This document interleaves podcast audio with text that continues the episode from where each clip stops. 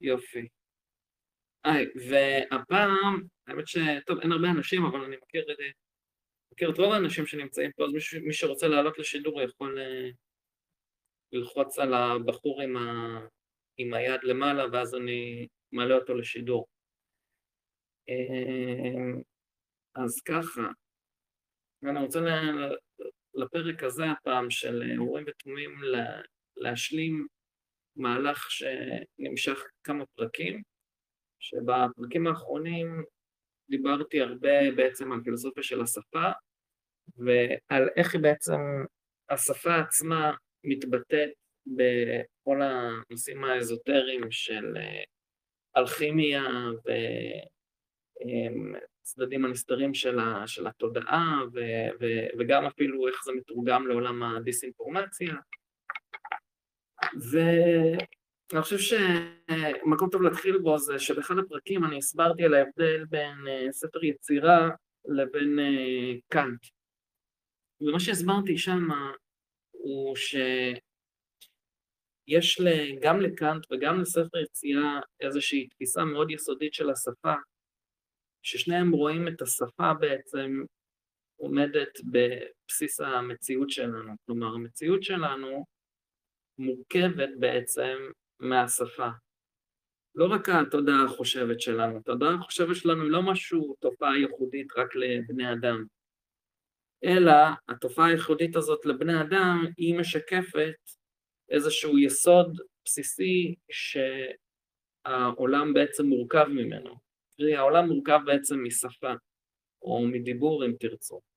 אבל יש הבדל משמעותי בין שניהם. אני נכנס מאוד מאוד לעומק בעצם לתפיסה של שניהם, ב... אני חושב שתי פרקים אחורה, שלוש פרקים אחורה. ו... אבל ההבדל הוא בהחלט, אה, אני חושב הוא, הוא מרתק, כי uh, בעוד ששניהם מאמינים שהשפה נמצאת ביסוד של מה שבונה ומרכיב את הקוסמוס ואת המציאות, אצל קאנט בעצם השפה שמרכיבה את המציאות הוא ממש קורא לזה כמעט מעשה מרכבה. הוא קורא לזה בעצם פעולת ההרכבה, שכשאנחנו מסתכלים על המתבוננים במציאות, אנחנו בעצם רואים משהו לא מוגדר, אנחנו מרכיבים על גבי זה בעצם את המציאות שאנחנו מתמצאים בה, מבינים אותה, יכולים לפעול בה, בדיוק כמו שאנחנו מרכיבים משפט. כשאנחנו מרכיבים משפט, וכשאנחנו רואים את המציאות ומרכיבים את המציאות מול העיניים שלנו בצורה מסודרת, אנחנו עושים את אותה פעולה. עכשיו, הפעולה הזאת מורכבת מקטגוריות מסוימות, ופה בעצם טמון ההבדל בינו לבין ספר יצירה. כי הקטגוריות הקנטיאניות גורסות שבעצם בבסיס השפה יש איזה שהן 12 קטגוריות קבועות של איזושהי לוגיקה, עניין ממש אפשר לומר אובייקטיבי לחלוטין, הוא לא כל כך מסביר איך הוא גוזר אותם, אבל זה, זה מה שנמצא ביסוד השפה הטהורה, ביסוד הלוגיקה הטהורה, וביסוד בסופו של דבר איך שאנחנו מרכיבים את העולם כמו שפה. וב-12 הקטגוריות האלה בעצם אלה קטגוריות שהן לוגיות, אלה קטגוריות של יחסיות בין עצמים, בין אה, אה, הקיום והאי-קיום שלהם, בין הסיבתיות שלהם והאיכויות שלהם והצורות שלהם. ולעומת זאת, ספר יצירה שאומר משהו מאוד דומה, שאומר שגם העולם מורכב כולו משפה, הוא גם נותן לנו איזושהי טבלה של קטגוריות של השפה שמהם מורכבת המציאות, אבל הקטגוריות של ספר יצירה הן לא ברמה של קטגוריות לוגיות. הקטגוריות של ספר יצירה הן ברמה של האותיות. הן ברמה בעצם של הצליל הפונטי שהאותיות האלה עושות. אם יש לנו את שלושת הקטגוריות המרכזיות שהן א', מ', ש', זה בגלל שא' זה כל הצלילים הגרוניים, אה, ח, כ, ה, ומם זה כל האותיות השפתיות, בה, מה, ו, ו, ו, ושין זה כל האותיות הלשוניות, לשטל. וכל אחד מהם מסמל גם איזשהו אחד מהיסודות uh, של, ה, של העולם, אז לצורך העניין האלף הוא מייצג את יסוד האוויר, ובאמת כל הגרוניות הם, זה הכל האוויר שיוצא לנו אה, בצורה שלא לא ממש, לא בדיוק נשברת כל כך, כמו למשל אם אנחנו שוברים את זה עם השפתיים או עם הלשון, את האוויר, כן? אז אה, ח, כן, ח, אבל האלף זה הקטגוריה הכי עליונה, כי ממנה אתה יכול לשבור את כל שאר האותיות, משם הכל מתחיל, וממנה אה, כל שאר האותיות מתגשמות. המם לעומת זאת זה מים, זה הכל, אה, זה מעניין, כן, המם זה מים, זה, זה בא, מה, בא, בומה, כן. ו, אבל, ואז אמרתי, השין זה אש, ואחד הדברים המעניינים אצל אריסטר גראולי, זה שהיה לו ישות שהוא היה מתקשר איתה, והוא כינה אותה לשתל. עכשיו, אם, אם מסתכלים על זה, אז מהנקודת מבט הזאת, הוא היה מאוד עמוק בספר יצירה, כי אפשר לראות בסמלים שלו ממש את האותיות מסודרות לפי ההיררכיה של הקטגוריות של ספר יצירה, א', מ', ש', ואז השבע כפולות, ואז השתים עשרה פשוטות. עלה שטל זה הכל אותיות אה, לשוניות, זה הכל אש בעצם. כנראה ישות כזאת של, של, שכנראה קשורה ב, ביסוד הזה. אז נורא מעניין. אה, אבל זה ההבדל, ועכשיו יש אה, סיבת עומק למה בספר יצירה הקטגוריות מחולקות לרמת הפונטיות של האותיות. זה בגלל שהשפה העברית במקורה, כשהיא התחילה מהקו פרוטו-סיני, זה בעצם היה החידוש שלה. אז בניגוד למצרים, שהיו להם הירוגליפים, וכל הירוגליף היה בעצם איזשהו מושג שלם, איזשהו רעיון שלם שעומד מאחורי אותו הירוגליף, פתאום בכתב הפרוטו-סיני כל אות מייצגת איזשהו חיתוך אחר של האוויר, ככה שאתה יכול להרכיב כל מיני מילים מהאותיות ולא להיתקע בעצם על הירוגליפים, שכל הירוגליף בעצם מסמל, כן, עולם ומלואו בפני עצמו.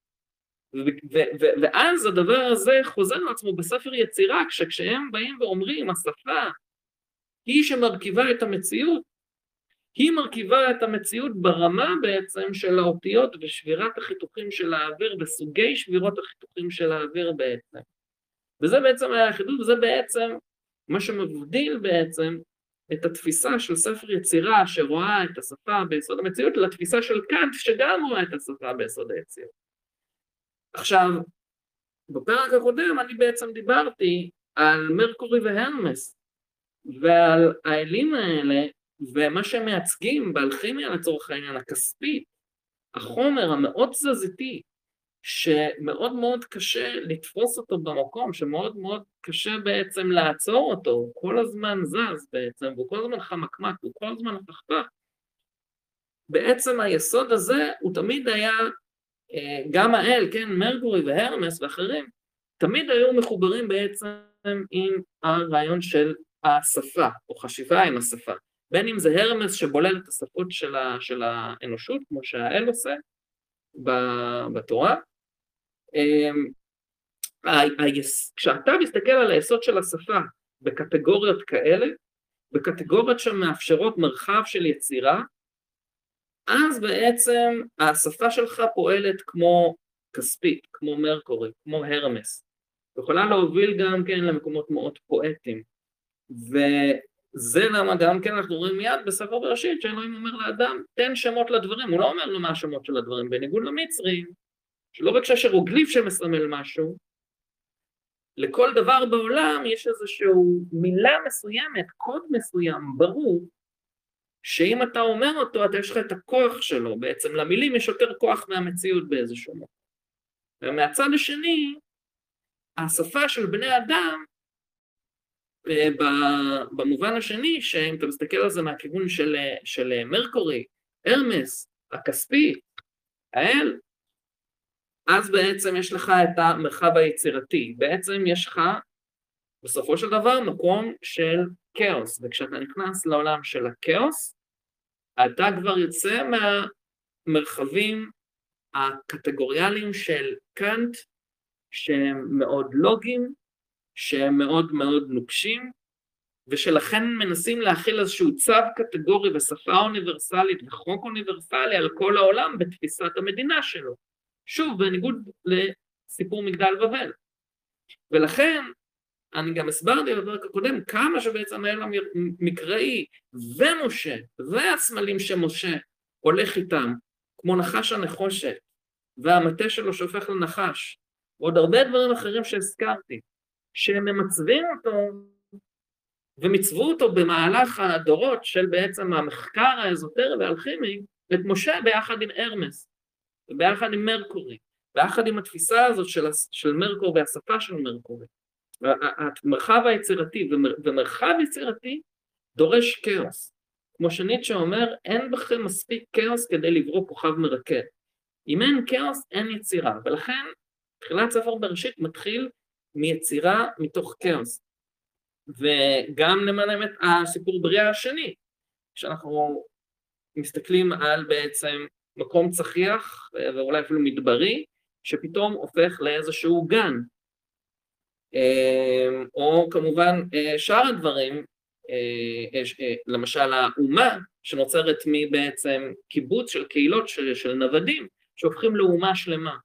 זה, יוצרים סדר מתוך כאוס, ועכשיו המרחב הזה של הכאוס ביהדות אפשר לשים לב להרבה מאוד מקרים שבהם הם, מראים בעצם את הכאוטיות של השפה, לא רק בתורה, אבל גם כן בתלמוד. עכשיו, אני נתתי את הדוגמה שלדעתי היא הטובה ביותר, שהיא מפתח להבין הרבה דברים, כולל רעיון אחר הבלעת המתהפכת, כשדיברתי על בלעם.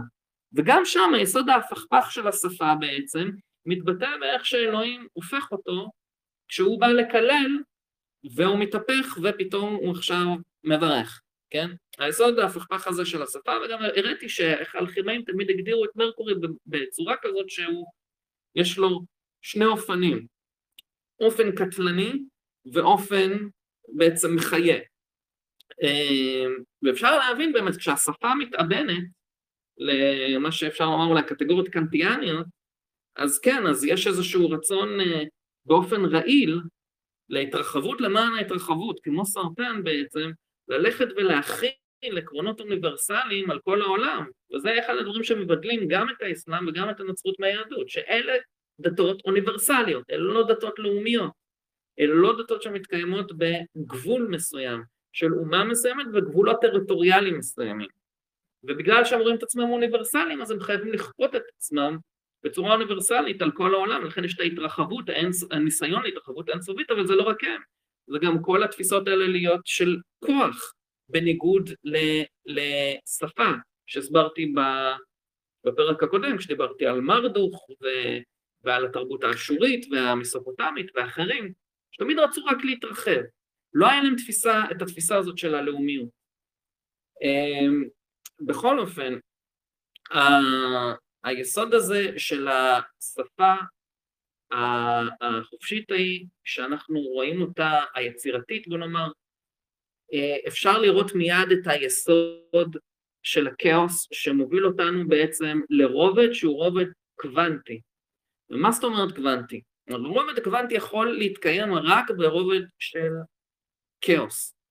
אני אסביר מה זה אומר. אם הכל נמצא בצורה גיאומטרית ומושלמת, סימן שלא יכולים להיות לך כל מיני, בוא נקרא לזה קצוות מפוצלים מה שנקרא, הדברים הם נורא ברורים, יש לך סיבה ותוצאה ורק דרך אחת לדברים להתקיים כפי שהם. אבל במרחב של הכאוס, במרחב היצירתי, קורים כל מיני דברים מעניינים שמובילים אותנו למרחב הקוונטי. האחד מהם זה שאנחנו רואים מיד אה, בסיפור גן עדן, שמיד אנחנו רואים מלא משחקי לשון נופל על לשון, שהזכרתי בפרק הקודם. לשון נופל עם לשון, זה קורה שכשלמשל אה, אנחנו משתמשים במילה אחת, ולמילה הזאת יש שני משמעויות, וזה יוצר איזשהו פיצול במחשבה לאנשים. והמון שירים טובים, לצורך העניין, המון שירים טובים הם יכולים לדבר גם למבוגרים וגם לילדים, כשהמבוגר מבין את השיר בצורה מסוימת והילד מבין את השיר בצורה אחרת לגמרי, וזה יוצר איזשהו פיצול קוונטי במשמעות של, ה, של המילים של השיר.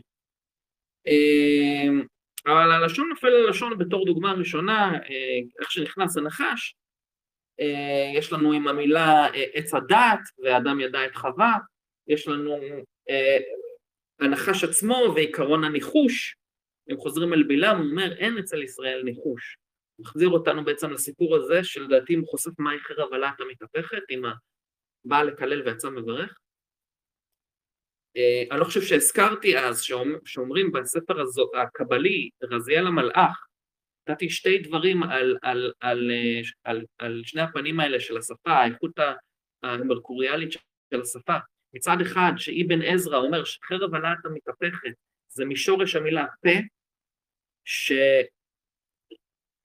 חרב פיפיות, בדיוק כמו הפה שלנו, ושלעומת זאת בספר רזיאל המלאך, הוא, הספר הקבלי, הוא אומר שחרב הלהט המתהפכת היא בעצם הלשון שלנו, שיכולה מצד אחד לברך ומצד שני לקלל, ולכן זה מחזיר אותנו לבלעם ולסיפור הזה, והעמקתי מאוד במשמעות של ספר בלעם, של הסיפור של בלעם ומשעול הכרמים והחמור שלו והכל בשידור הקודם, מאוד ממליץ על זה.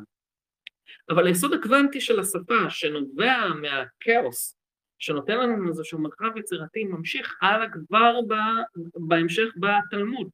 ופתאום בתלמוד הם רואים כל מיני דברים, כל מיני הגדרות שמקבלים איזשהו פיצול קוונטי, בגלל ענייני ההגדרות והשפה, והניסיון שלהם להתלבש על המציאות. למשל, אם אתה מסתכל על מישהו, מחזיק משהו, אתה רואה מישהו מרחוק מחוץ לעיירה שאתה לא מכיר והוא מחזיק משהו, בהגדרה שלו, הדבר שהוא מחזיק הוא שלו. עכשיו הם שואלים שאלה מעניינת. נניח והוא הולך והדבר נפל לו מהיד, והוא לא שם לב. האם הדבר הזה עדיין שלו או לא שלו? כי מצד אחד הוא לא מחזיק אותו. מצד שני, הוא עדיין חושב שהוא כן מחזיק אותו. שאלה אם זה עדיין שלו או לא שלו.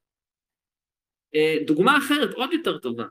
אה, לפי החוק, אה, מישהי שבעלה יוצא למלחמה, יש להם איזשהו חוזה כזה, שאם הוא לא חוזר אחרי שנה, ולא יודעים מה קרה אז, כי אין אסמסים ואי אפשר לדעת נורא מהר מה קורה לו. יכול להיות שהוא מת, יכול להיות שהוא לא. אחרי שנה, היא חייבת להתחתן עם אח שלה, אח שלו. אבל גם אם היא שומעת שהוא מת בדרך, אז גם אח שלו צריך לשאת אותה. מה קורה אם הוא מת ואף אחד לא יודע? עכשיו תקופה מאוד ארוכה הוא מת ואף אחד לא יודע.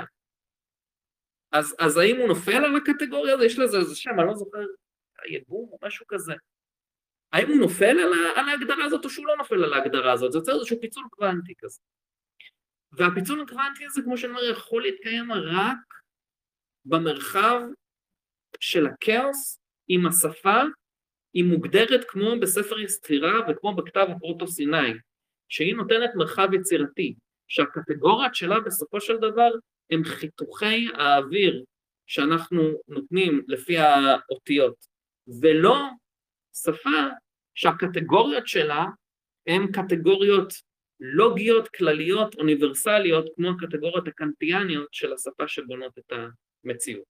זה, אני חושב, הבדל נורא מעניין, ושעכשיו מוביל אותי בעצם לרובד אחר של כל העניין הזה, בגלל שהגדרה נוספת שבמרוצת השנים ניתנה לאלים שהם ייצגו בעצם את, את מרקור והרמס, נוצרה איזושהי תת קטגוריה של כל מיני אלים שהם מה שנקראים באנגלית ה trickster.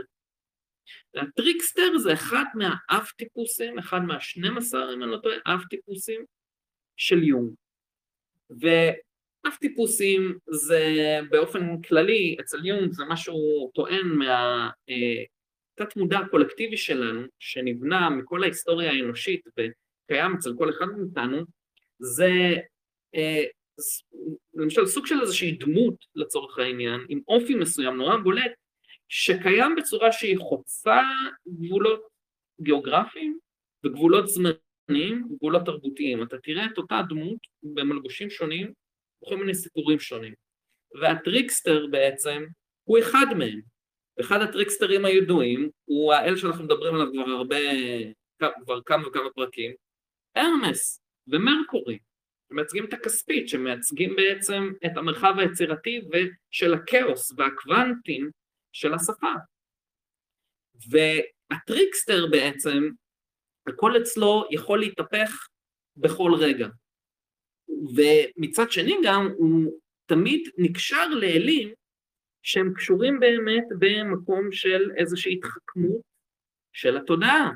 נניח אצל האינדיאנים ה trickster, הארכיטיפוס של ה trickster, ייקח יותר את הצורה בעצם של הקויוטי, סוג של איזשהו שועל כזה, תככן, תחמן, שהוא אפילו תחילת הציוויליזציה אצלם, כי הוא לימד אותם איך, איך, איך לתפוס את הדגים מהמים. ככה התחילה להיווצר שם החברה, כך לפי המיתוסים של אחד השבטים שם, עכשיו ששבט העורב אם אני נוכל. ובמקומות אמ, אחרים, אולי באירופה זה כמובן, אה, השועל יכול להיות ה trickster. אנחנו מכירים את ה trickster יותר באמת כליצן החצר.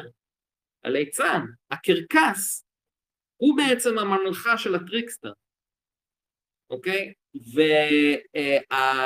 והפכפכות והכאוטיות של הרמס, כשהוא בולל את כל השפות השונות בעולם, הוא בעצם גילם את אותו יסוד של ה trickster. ולכן גם כן לצורך העניין ג'וסף קמבל, האיש שכתב את הגיבור בעל אלף הפנים, תלמיד נורא ידוע של יונג, שהוא היה תלמיד של מספרי הסיפורים הגדולים בזמננו, כמו למשל ג'ורג' לוקאס, אז הוא למשל מזהה את אה, יסוד ה trickster גם אצל אה, האל המקראי, שהוא בעצם עושה את אותם דברים שהרמס עושה בהמון מקרים, כן? ואנחנו רואים את היסוד הזה של ה trickster אה, עם בלעם, שהוא בא לקלל ויצא מברך. זה היסוד ה trickster, וזה יסוד בעצם ששוב פעם עכשיו שימו לב נורא מחובר לעיקרון הזה של השפה, אבל רק לשפה היצירתית שיוצרת לנו איזשהו מרחב של אה, אה, קוונטום. גם לצורך העניין סט שדיברתי עליו לפני כמה פרקים, בניגוד לאוסייריס אצל המצרים, סט היה נחשב כאיזשהו אל חיצוני לתרבות המצרית, אל זר, אל שמשתלט להם, אל של הזרים, אבל כשהייתה הממלכה המתווכת של הכנענים, הנוודים שהשתלטו שם, הוא היה האל המרכזי וכולי, ואחר כך אה, הוא חזר, הוא קיבל איזושהי אה, טרנספיגורציה לאיזה משהו יותר מרושע, שתמיד נלחם בעצם באוסיירס ובשושלת של השושלת הפרעונית האוסיריאנית, אבל הוא גם היה מאוד אל טריקסטרי, הוא היה תמיד בעצם מהתל כל הזמן באוסיירס בכל מיני דרכים ובהורוס, בין אם זה אה, סוג של לפרס אותם או, או, או אה, לעוור אותם, אה, באינספור דרכים. אבל עוד פעם, אני הסברתי אז, בפרק ההוא, ואני ממליץ לחזור עליו, שהוא בסופו של דבר, הוא מסמל את התודעה, בעצם את העצמיות, אוקיי? לכן הטריקסטריות הזאת היא תמיד קשורה באיזושהי, בתודעה, אבל גם אם את, אתם מסתכלים לצורך העניין, טוב, לפני שנגיע לליצן, אנחנו בעצם מדברים, כמו שהראיתי, גם ביסוד הקוונטי, גם ביסוד הפכפך של השפה, אנחנו יכולים לראות בעצם שהביטוי של הדמות שמייצגת את בעצם את הרעיון הזה של השפה ושל התודעה, היא בעצם מיוצגת על ידי trickster, בסופו של דבר, זה אחד הביטויים על ידי איזשהו ליצן, על ידי איזשהו קרקסן. ובקרקס הם כל הזמן מתהפכים וקופצים, דברים כאלה. למשל הליצן, וליצן החצר במיוחד, שנמצא ב, ב, בהתהוות של, ה, של הסמל הזה, אתם יכולים לראות למשל, כן, יש כל מיני סימנים שמנסים להבין, רגע, למה הוא לובש את הכובע הזה עם הפעמונים? מה, מה הרעיון הזה של הפעמונים? למה אני צריך לשמוע את הפעמונים כשהוא מגיע? כי הפעמונים אומרים לך שמשהו עכשיו מתהפך פה בעולם, שהעולם הוא לא כל כך יציב, אתה שומע את הפעמונים, כן, the jingle bells המג'נגלים, כי משהו פה לא כל כך יציב כשהליצן מגיע, וזה בעצם מה שהוא מנסה לעורר בך כל הזמן, באופן של התת מודע, הוא כל הזמן מנסה לעורר בך בדיוק את היסוד הזה.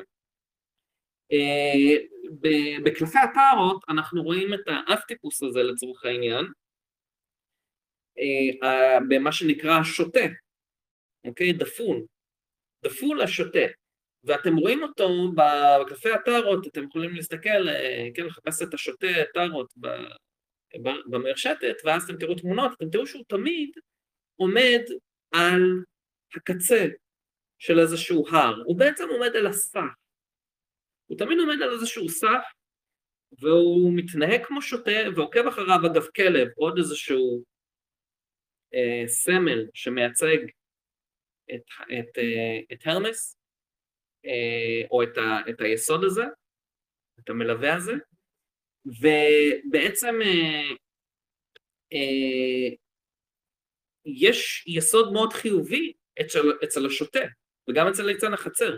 קודם כל, ברור שליצן החצר הוא היחיד שיכול להגיד את האמת אם צריך למלך ולממלכה, ואת האמת הקשה אם צריך. כי הוא צוחק על הדברים, ואף אחד לא לוקח אותו ברצינות, אבל הוא בסוף יכול להגיד גם את כל הדברים, וזה מה שסטנדאפיסטים טובים עושים בעצם היום. יש הרבה סטנדאפיסטים היום שהם באמת אה, ממוטטים את תרבות הווק בארצות הברית, כי הם יכולים, הם היחידים שעוד נמצאים במרחב הזה שמאפשר את זה. אמ, ומעבר אה, לזה, אה, השוטה הוא יכול, הוא בעצם מאפשר איזשהו מרחב של למידה בגלל שהוא מסתכן, כן, הוא עומד על, על הקצה, על הסף של ההר. עכשיו, זה מעניין מאוד שהשפה באה מהשורש גם כן, ש, שמשהו שנמצא, כמו שאומרים, על, על שפת הים, או שפת המדרכה. הוא בדיוק החוצץ הזה, שנמצא בין, בינך לבין הכאוס, לבין בעצם בסופו של דבר הים, לבין המקום שאתה יכול לטבוע בו. השוטה בקלף הטארוט נמצא ממש על השפה של, ה, של ההר, הוא יכול ליפול בכל רגע. וזה בעצם השפה, היא באמת נמצאת על הסף הזה, שבין ההכרה שלנו לבין המציאות. אבל השאלה האם השפה היא יסוד לוגי שמרכיב את המציאות כמו שקאנט אמר, או שהשפה בסופו של דבר היא trickster. וטרגדיות בסופו של דבר הם אלה שרואות את המציאות ככזאת שאנחנו בונים איזשהו תפיסת מציאות מסוים, איזשהו שיקוף שאנחנו בטוחים ש, שהמציאות היא, היא לפי השיקוף של, ה, של ההיגיון הפנימי שלנו, וה, והשיקופים האלה פשוט מתנפצים כמו בורות. ובסופו של דבר השפה תמיד יש לה את, ה, את המילה האחרונה בקטע הזה, היא תמיד צוחקת עלינו כי תמיד היא מתפות, מתמוטטת, מתפרקת. מישהו אמר משהו, למשל, יש את המשל הידוע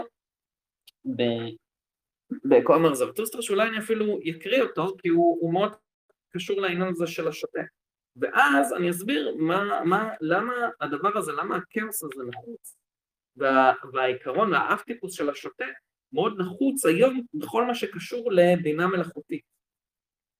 בואו נראה אם אני מוצא את זה ככה אה, בזריזות. אה, 1, 2, 3, 4,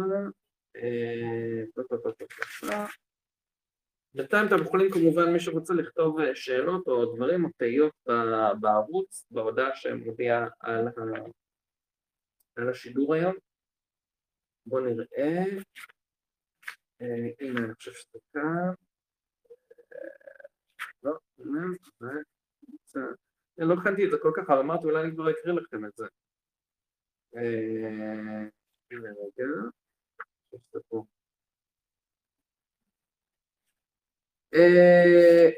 כן, הנה אוקיי, אוקיי, אני חושב, לא, אני לא בטוח מאיפה זה מתחיל,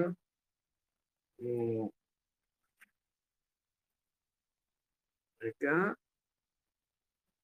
בכל אופן, אני אקריא מפה, אבל זה לא בדיוק מה, מהמקום הזה, אבל הוא אומר ככה, אך לפתע אירע דבר שלמראהו מראהו כל פן נעלם וכל עין הייתה לאבן. כי הנה בינתיים החל המרקד על החבל במלאכתו. עכשיו, מה זה העניין הזה? במהלך הפרולוג שהוא נותן פה, הוא בא לעיירה ונותן איזשהו נאום על אה, מה זה העל אדם, מה זה האדם האחרון, הוא אומר העל אדם זה מי שבעצם מסוגל ללכת על חבל דק וצר מאוד, הוא בעצם המרקד על החבל. ואז מה שקרה, היה שם איזשהו באמת מישהו שהוא מרקד על החבל, הוא שמע אותו אומר המרקד על החבל, הוא חושב שהוא מתכוון אליו, ואז הוא קם ואומר, אה אוקיי, קוראים לי, אני אלך ואני ארקד על החבל. ואז קרה הדבר הבא, הוא, בינתיים זרטוסטרה מסיים את הנאום שלו, והנה מה שקורה. אה, אך לפתע אירע דבר שלמראו כל פה נעלם וכל עין הייתה לאבן, כי הנה בינתיים החל המרקד אל החבל במלאכתו. יצא מתוך פתח קטן וצעד אל החבל שנמתח בין שני מגדלים מעל לכיכר השוק ומעל ההמון, והנה בהגיעו לאמצע המסלול שוב נפתח הפתח הקטן ומתוכו קפץ ברנש ססגוני, דמוי מוקיון, והחל מהלך בצעדים מהירים בעקבותיו של הראשון, ומצעק בקול אימים, קדימה פיסח שכמוך, קדימה בהמת עצלות, לבן בפנים, רמאי שווקים שכמוך, פן אדגדך בעקבי. מה מעשיך בין המגדלים האלה? מקומך בתוך המגדל פנימה, רואי אתה שיכלאוך. הלא חסמת את המסלול מעבור בו הטוב ממך. ועם כל מילה נתקרב אליו יותר ויותר, אך כאשר לא הפריד עוד בינו ובין קודמו אלא צעד אחד בלבד, הראה הדבר המחריד ההוא אשר למהר כל פה נעלם וכל עין הייתה לאבן. אוקיי? Okay? הוא הפליט שהגת, תזכרו מה אמרתי על ההתאבנות, שמסתכלים על מדוזה, שהקראתי את דנטה בפרק הקודם. הוא הפליט שהגת שטנים וקפץ מעל ראשו של זה שחסם את דרכו, ואולם ההוא בראותו את יריבו אשר כה ניצחו, איבד את עשתונותיו ואת החבל, השליך את מטהו במהירות רבה ממנו, צלל אל העומק בסחרחורת ידיים ורגליים, השוק וההמון דמו לים שסערה מצליפה בו, כולם נמלטו לכל עבר איש על גבי רעהו, בעיקר מאותו מקום שהגוף עמד ליפול בו. ואולם זרטוסטרה נשאר על עומדו ודווקא סמוך אליו, נפל הגוף רצוץ ומרוטש לזוועה, אך לא מת עדיין. כעבור רגע חזרה הכרתו של המרוסק, ואז ראה את זרטוסטרה קורא לידו. מה מעשיך כאן אמר, אמר לבסוף, ידוע ידעתי מזמן שהשטן ימעידני אתה הנה הוא מושכני לגיהנום, שמא מבקש אתה למונעו מכך. כל אופן יש דיאלוג וכל זה, אבל הרעיון הוא שהוא נופל ומת, ואפשר לראות בזה איזשהו יסוד אה, טרגי של הדברים, אבל אתם צריכים לשאול את עצמכם, מה הביא לכיליונו? מה שהביא לכיליונו זה שבן אדם אחד מדבר על משהו אחד, והוא שומע בדיוק את אותו דבר, והוא מבין משהו אחר לגמרי, וזה גורם לו לעלות על החבל, לטפס עליו, ללכת, ואז הליצן שמאחוריו מגיע ומקפץ מאחוריו והוא קופץ בלי בעיה על החבל, אין לו בעיה, איכשהו הוא קופץ מעליו, מתהפך, נשאר על החבל. והבחור ההוא שלקח כל כך ברצינות את המשימה שלו, וכל כך ברצינות את מה שהוא שמע קודם, נופל ומת. וזה עוד פעם מראה את היסוד הקוונטי הזה והמעטל הזה של, ה, של השפה. עכשיו, הדבר הזה תמיד שם אנשים בעצם, זאת אומרת, פה זה הטרגדיה של המרקד על החבל. אבל מצד שני גם אפשר לראות פה את הקומדיה. הקומדיה היא שהיה לו פה, הוא, הוא, הוא, שהוא פירש בסופו של דבר משהו לא נכון שהביא לכיליונו, ותמיד הקומדיה היא בסופו של דבר הנפילה. הנפילה היא בסופו של דבר קומדיה. וזה למה הקומדיה האלוהית של דנטה מתחילה בעצם עם הירידה למטה, עם הנפילה אפילו, ממש בחורשה איפה שהוא נופל, מנסה לעלות ישירות אל ההר ונופל, בגלל שלושת החיות שמעצלות בו, במיוחד הלאופר. אמ, עכשיו, למה זה בעצם, קודם כל, ברור לכם, עוד פעם, הרעיון של, ה, של המוקיון ולמה, או, או הליצן וה, והקרקסן והקשר שלו בעצם עכשיו לשפה וליסוד הכאוטי והקוונטי של השפה. עכשיו כשאנחנו באים ומדברים על בינה מלאכותית, אנחנו רואים איזשהו משהו שהוא מאוד מעניין, שמאוד מזכיר את קלף הטאון של בעצם השוטה. כי השוטה שהוא עומד על קצה הר וגם הוא יכול ליפול באותו רגע, אבל הוא לא רציני כמו, ה... כמו המרקד על החבל, הוא בעצם עושה משהו שמאוד דומה ל...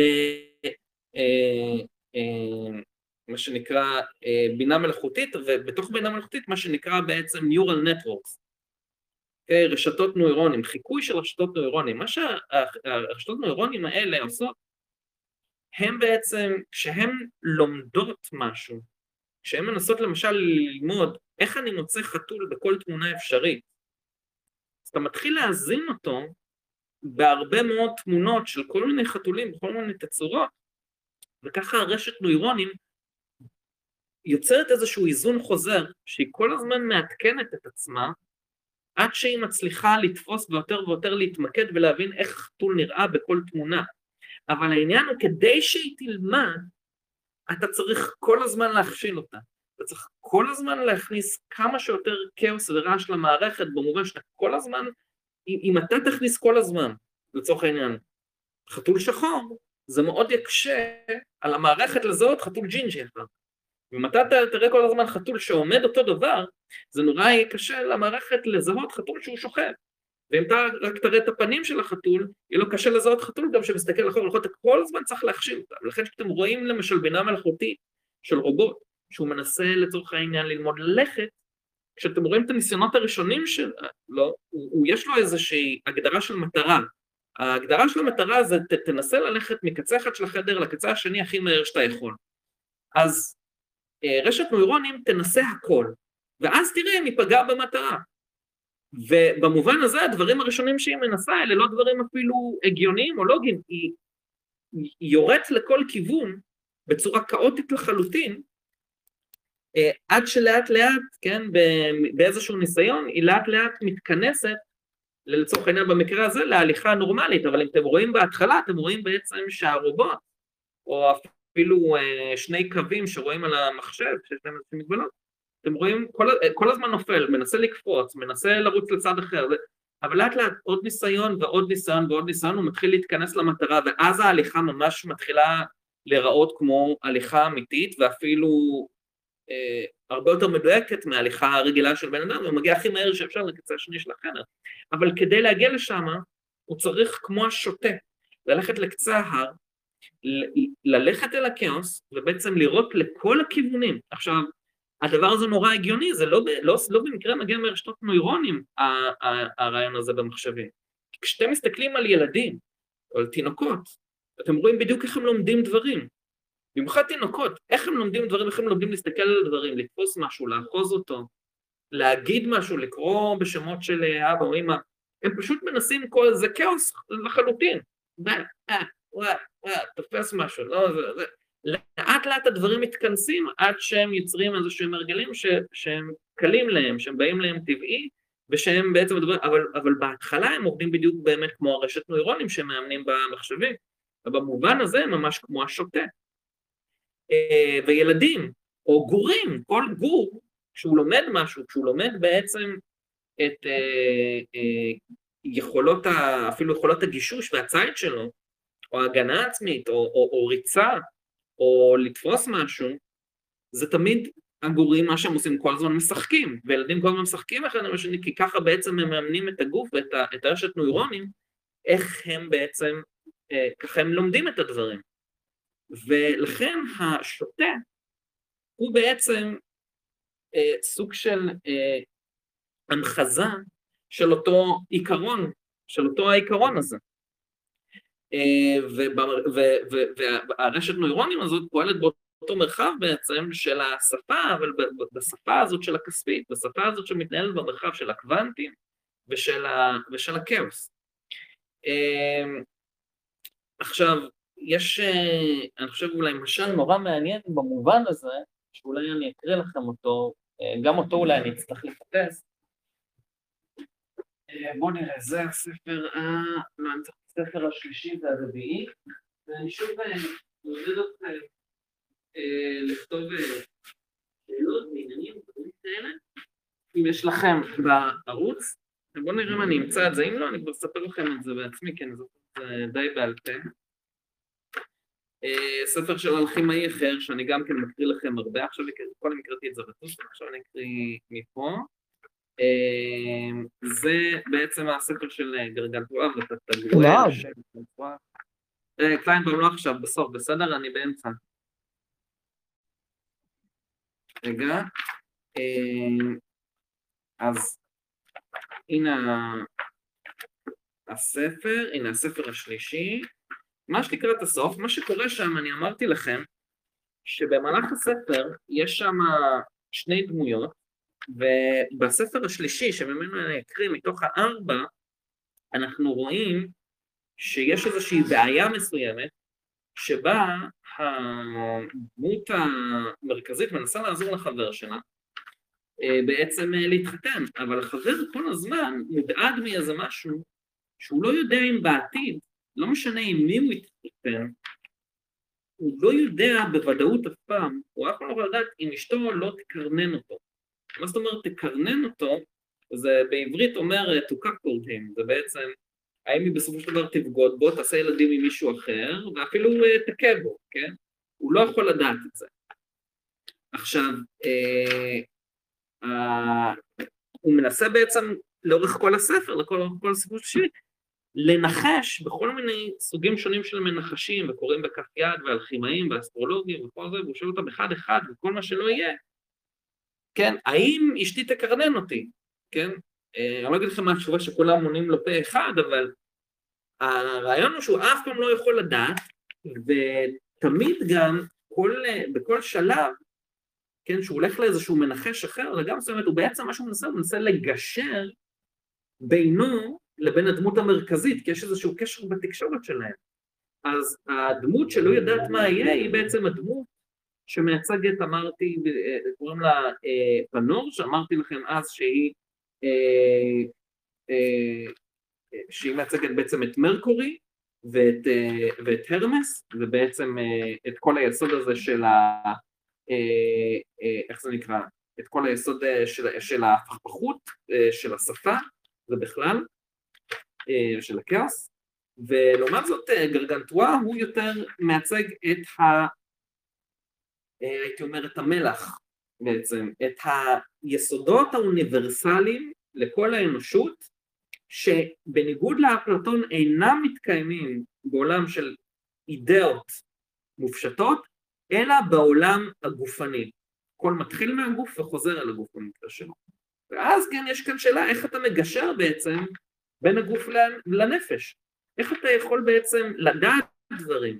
הוא הולך לכל מיני מנחשים שהם בעצם יוצרים איזשהו קצר אה, בינו לבין הדמות המרכזית, כי הם לא, הם לא מתווכים נאותה בעצם אה, בין, ה, כן, בין, הגוף, בין הגוף והנפש, בין, ה, בין הצורך שלו להתחתן לבין בעצם הצורך שלו לדעת מה יהיה, מה יהיה בעתיד, והשפה שיכולה מאוד מאוד אה, לבלבל אה, אה, לגבי אה, לצורך העניין העתיד, לצורך העניין מילים מסוימות או שמות של אנשים יכולים להישאר הרבה זמן לאחר מותם, זה יכול לבלבל לצורך העניין למי שיש לו תפיסה של השפה כמשהו אמיתי יותר מהמציאות, שבעצם הוא יחיה, הוא בעצם יחיה לנצח.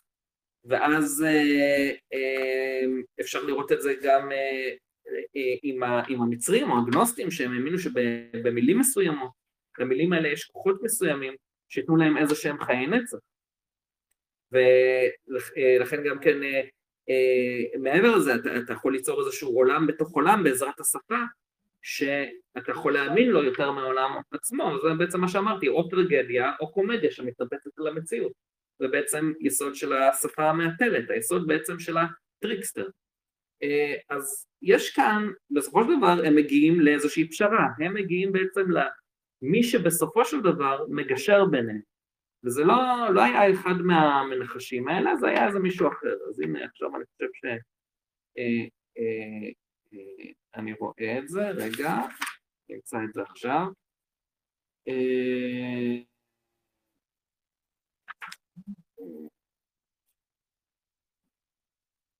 רגע, שומעים, שומעים, כמובן נוגע, כי קובע, כי צריך, או הנה, הנה, כן, טוב, אני, אני יודע שזה נמצא באחד העמודים פה, אבל אני לא בטוח באיזה עמוד זה כאן. רציתי להקריא לכם את זה ממש אה, מהמקום, אבל טוב, אני אספר לכם את זה כבר אני. אז הוא מספר לו משל, ובמשל הזה הם מגיעים למסקנה מי המגשר ביניהם. מי יכול בעצם לגשר בין, בין השפה לבין המציאות הגופנית?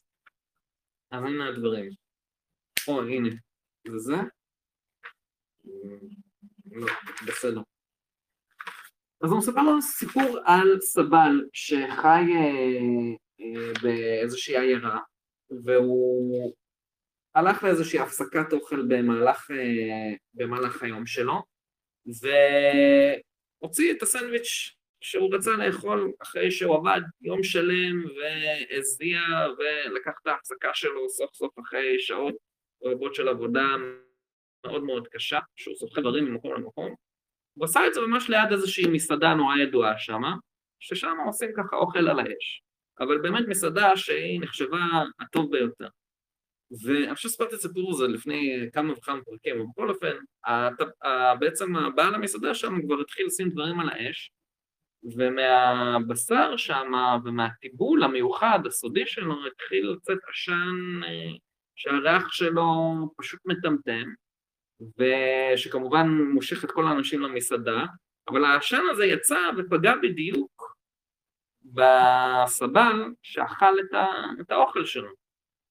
עכשיו, תוך כדי שהוא אוכל, העשן, עם כל הטיבול של בעצם הבשר הנפלא הזה, הייחודי של אותה מסעדה, במובן מה, טיבל את, ה... את הסנדוויץ' שלו, והפך אותו לאפילו עוד יותר טעים, והוא כל כך נהנה מהארוחה שהוא פשוט זה היה הדבר הכי טוב שקרה לו באותו יום, הוא יכל להמשיך הלאה וללכת לעבוד, אבל לפני שהוא הספיק לקום ולארוז את הכל וללכת חזרה לעבודה, יצא עליו הטבח והתחיל לצעוק עליו, אפילו ניסה להרביץ לו, לא, מה, מה קרה, מה אתה רוצה? אני אומר, אתה גנבת לי בעצם, בעצם אתה, מה שעשית, באופן אה, די אתה גנבת לי עכשיו מהתבלין הסודי של האוכל שלי, ושמת אותו על, בעצם על, ה, על הכריך שלך, והאוכל שלך היה יותר טעים.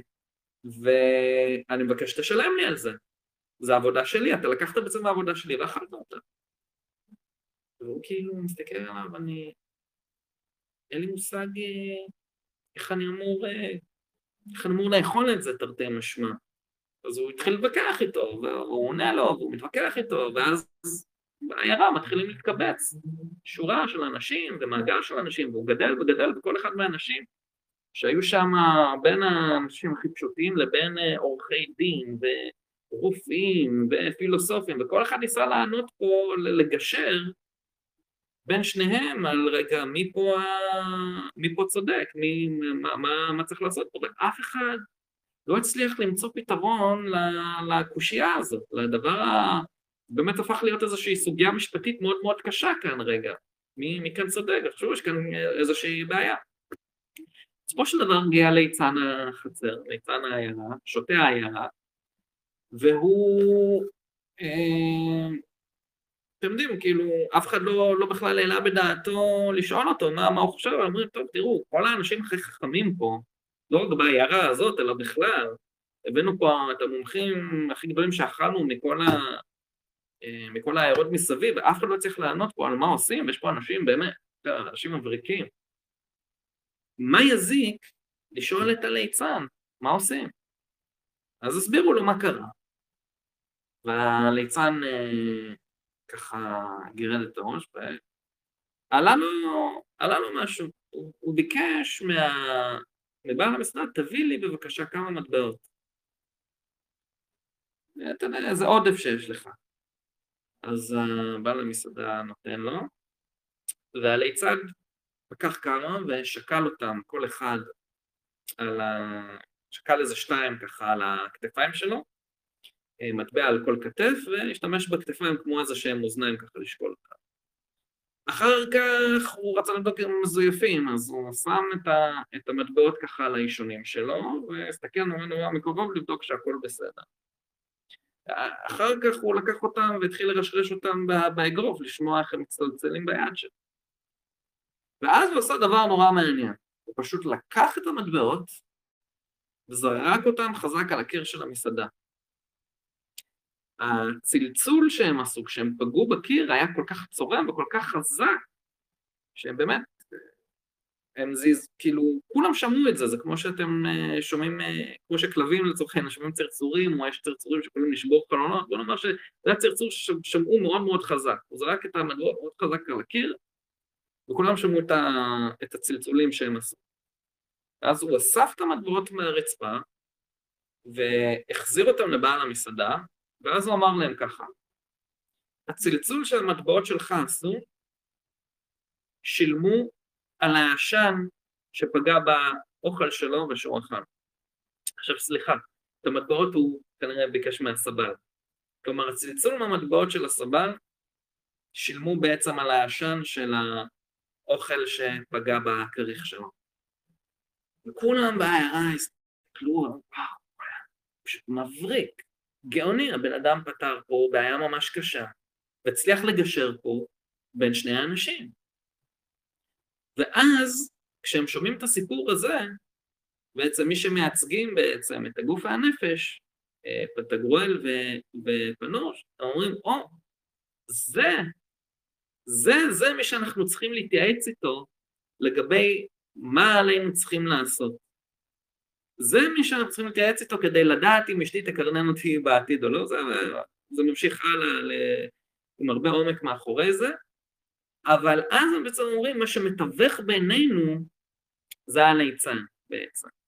וברגע שהליצן בעצם, ברגע שהשוטה הוא המתווך בין השפה לבין הגוף, זה הופך בעצם את החיים לאיזשהו סוג של קומדיה, ולמקום שבעצם ממנו אפשר ללמוד דברים. כשהנתיב השני, שבו בעצם דברים מתאבנים, כמו במבט של מדוזה, מה שקורה זה שבסופו של דבר החיים מקומדיה הופכים לטרגדיה. זה ממש ההבדל בין הטרגדיה לקומדיה. ואפשר לראות את זה בסרט נפלא של וודי אלן, אפרודיטה הגדולה, של אה, שני, אה, שני במאים שמתווכחים איזה סגנון יותר נעלה, הקומדיה או הטרגדיה. אז אומרים, אוקיי, בואו בוא באיזה ערב אחד שהם אה, ככה, מין כזה, יושבים ככה ושותים ומתווכחים על זה, הם מתחילים לכתוב ביחד איזשהו תסריט, וכל אחד ממשיך לקרוא את התסריט לסירוגין. פעם האיש של הטרגדיה ופעם האיש של הקומדיה. ואז כשהם מדברים, הולכים לסצנה, לסצנות עצמם בסרט ורואים איך הסרט מבוים. ופעם אתה רואה את הסרט, סצנה, וזה סצנות עוקבות, אתה רואה סצנה אחת שהיא טרגדיה, והסצנה שעוקבת אחריה כולה קומדיה, אבל הסיפור הוא אחיד. וזה עניין של מודליות, זה עניין של בעצם הגישה. אני חושב שהדבר הזה נובע בעצם מאיך שאנחנו תופסים את השפה. עכשיו, במקום שהוא מאוד ארכיטיפי, ועם זה אולי, עם, ה, עם המחוז המאוד מאוד מוזר הזה אני, אני אסיים, ואז אנחנו נתפנה לשאלות ולאנשים שרוצים לענות. אמ, אנחנו מגיעים אה, בעצם למקום שבו כממש ארכיטיפ, יש איזשהו ארכיטיפ שמשותף לחוויה שעוברים אותה הרבה מאוד אנשים. אנחנו דיברנו על חוויות דומות שהרבה מאוד אנשים אה, עוברים בתקויות האלה, כמו למשל שיתוקי שינה אה, ודברים כאלה שבהם הרבה אנשים רואים את אותם דמויות באותם שיתוקים, אבל ישנה גם טקסונומיה, מיפוי של ישויות שאנשים פוגשים כשהם מתנסים בחומר שנקרא DMT. אה, וה-DMT זה חומר שדיברתי עליו לא מעט גם בתוכניות האלה, זה, זה חומר שהוא קודם כל הוא בין החומרים הבודדים שיש לו נגישות ישירה דרך אה, מחסום אה, דם המוח בעצם, the blood brain barrier.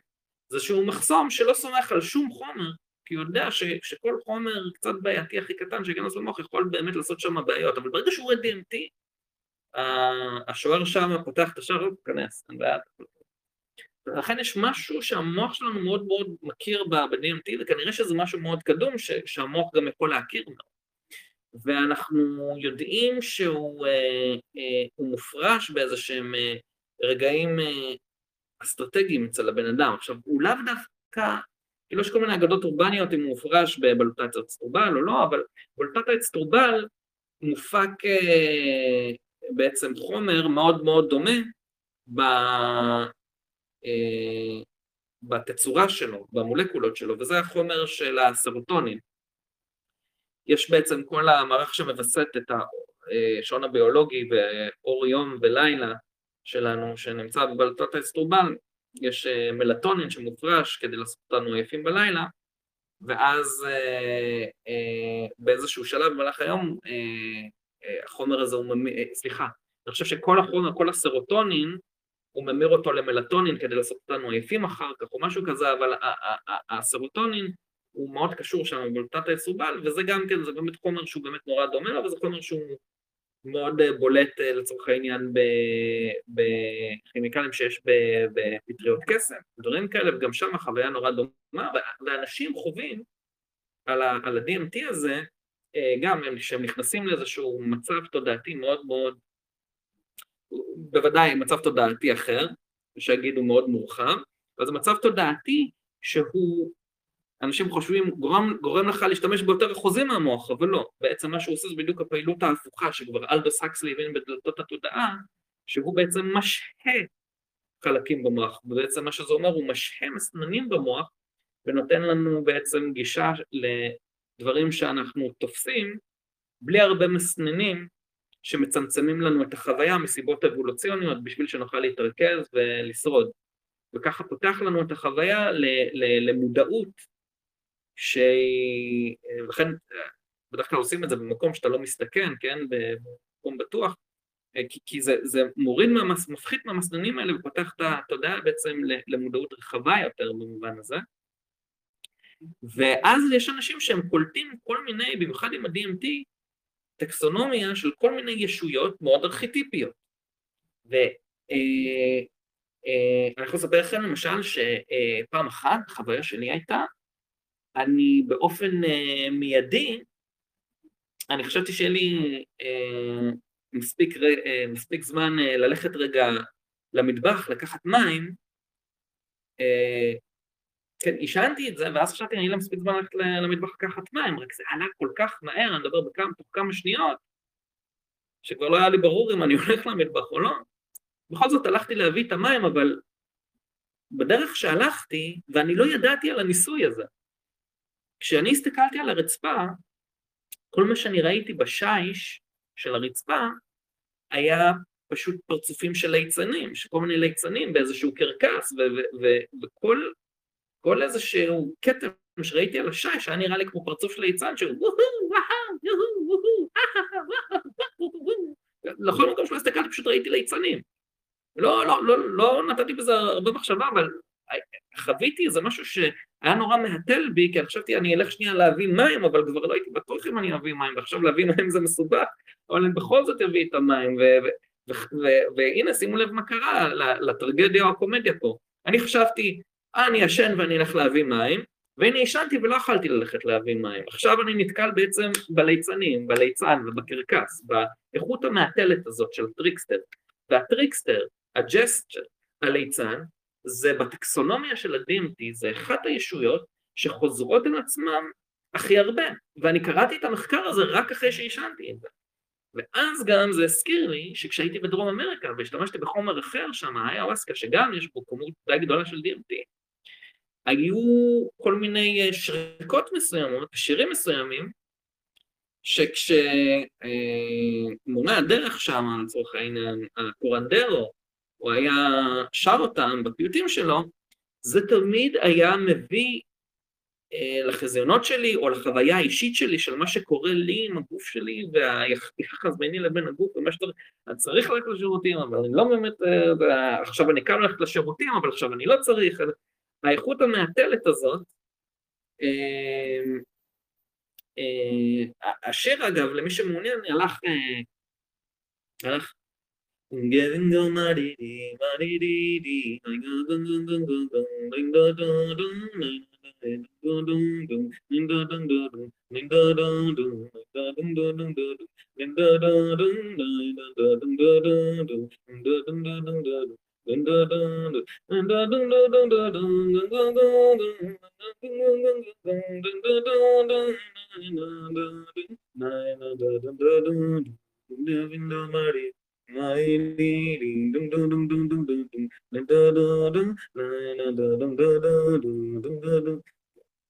אפשר, זה מכניס לאיזשהו טראנס כזה, ו...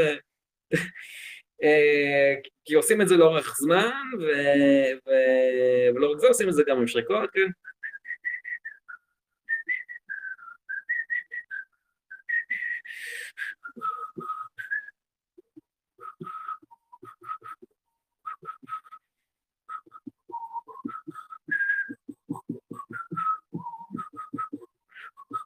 כן, עכשיו, העניין הזה עם האוויר הוא מאוד חשוב, כי אלדו סקסלי כבר הבין בספר שלו דלתות התודעה, הוא השווה את זה בעצם לתרגילי הפרנה ימה של האוויר, שתרגילי הנשימה שמשתמשים בהם היוגים, ונראיתי לכם שכל האלכימאים אה, הגדולים שניתחו את הטקסטים של האלכימאים, בין אם זה, כן, פה אה, יוליוס סיבולה, או אפילו ב...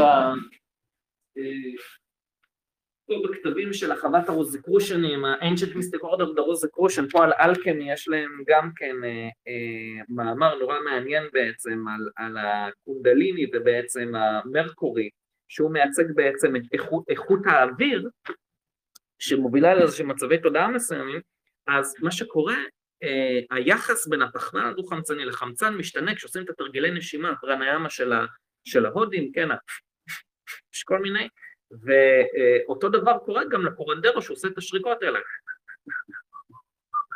הוא עושה את זה הרבה לאורך הרבה זמן, ואני נורא אהבתי לעשות את זה איתו, וזה בהחלט אה, מוביל לזה.